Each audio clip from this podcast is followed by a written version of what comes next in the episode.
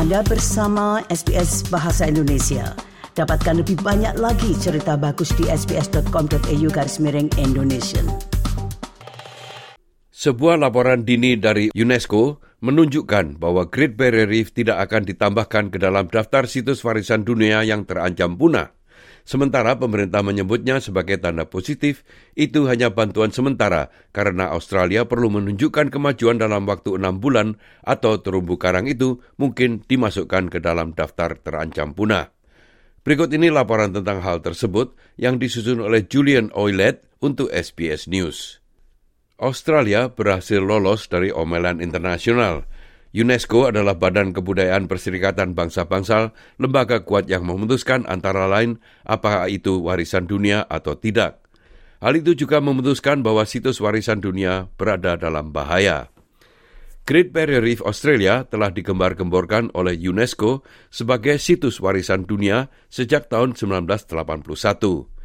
Namun kini timbul pertanyaan apakah Great Barrier Reef itu akan dilabeli sebagai situs yang terancam punah. Menurut draft keputusan UNESCO yang dirilis pada bulan September, Great Barrier Reef masih bukan termasuk dalam daftar yang akan punah. Menanggapi hal itu, Perdana Menteri Australia merasa lebih lega.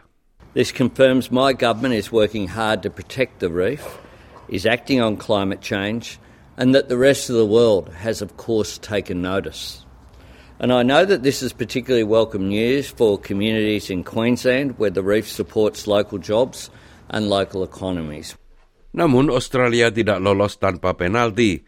Pada bulan Maret 2022, misi PBB mengunjungi terumbu karang itu dan menyimpulkan bahwa tidak cukup upaya yang dilakukan untuk melindunginya dari perubahan iklim dan ancaman lainnya seperti penangkapan ikan yang berbahaya. UNESCO mengharapkan Australia untuk memberikan laporan tentang kemajuannya dalam enam bulan mendatang. Setelah itu, terumbu karang tersebut masih bisa masuk dalam daftar terancam.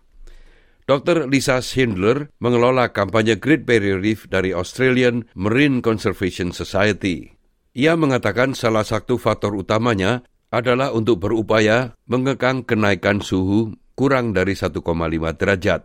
If we don't act on climate change uh, and keep warming limited to 1.5 degrees, then it will be a big trouble for the Great Barrier Reef. If we let warming get to 2 degrees Celsius, then 99% of coral reefs around the world will disappear. Senator Partai Hijau Larissa Waters juga sependapat.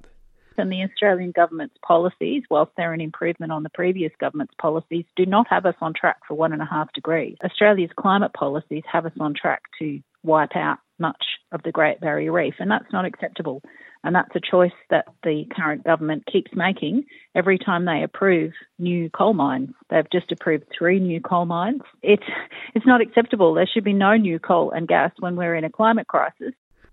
Keputusan untuk memasukkan warisan dunia ke dalam daftar terancam harus juga didukung oleh Komite Warisan Dunia yang akan bertemu pada bulan September mendatang.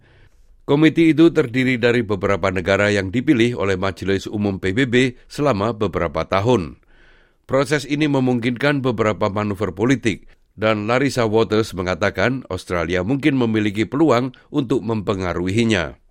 Our Australian government, no matter which political party is in charge, has a long history of lobbying the other countries involved in the World Heritage Committee to try to keep the reef off the endanger list. Well, I hope that's the lesson that the government takes from this is that um, their lobbying efforts can only buy them time.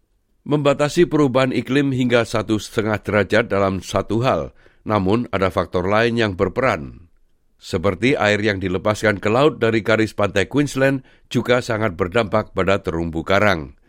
Dan bertentangan dengan perubahan iklim yang memerlukan respon global, kualitas air adalah sesuatu yang dapat ditangani sendiri oleh otoritas Australia. Berikut ini penjelasan dari Dr. Slinder.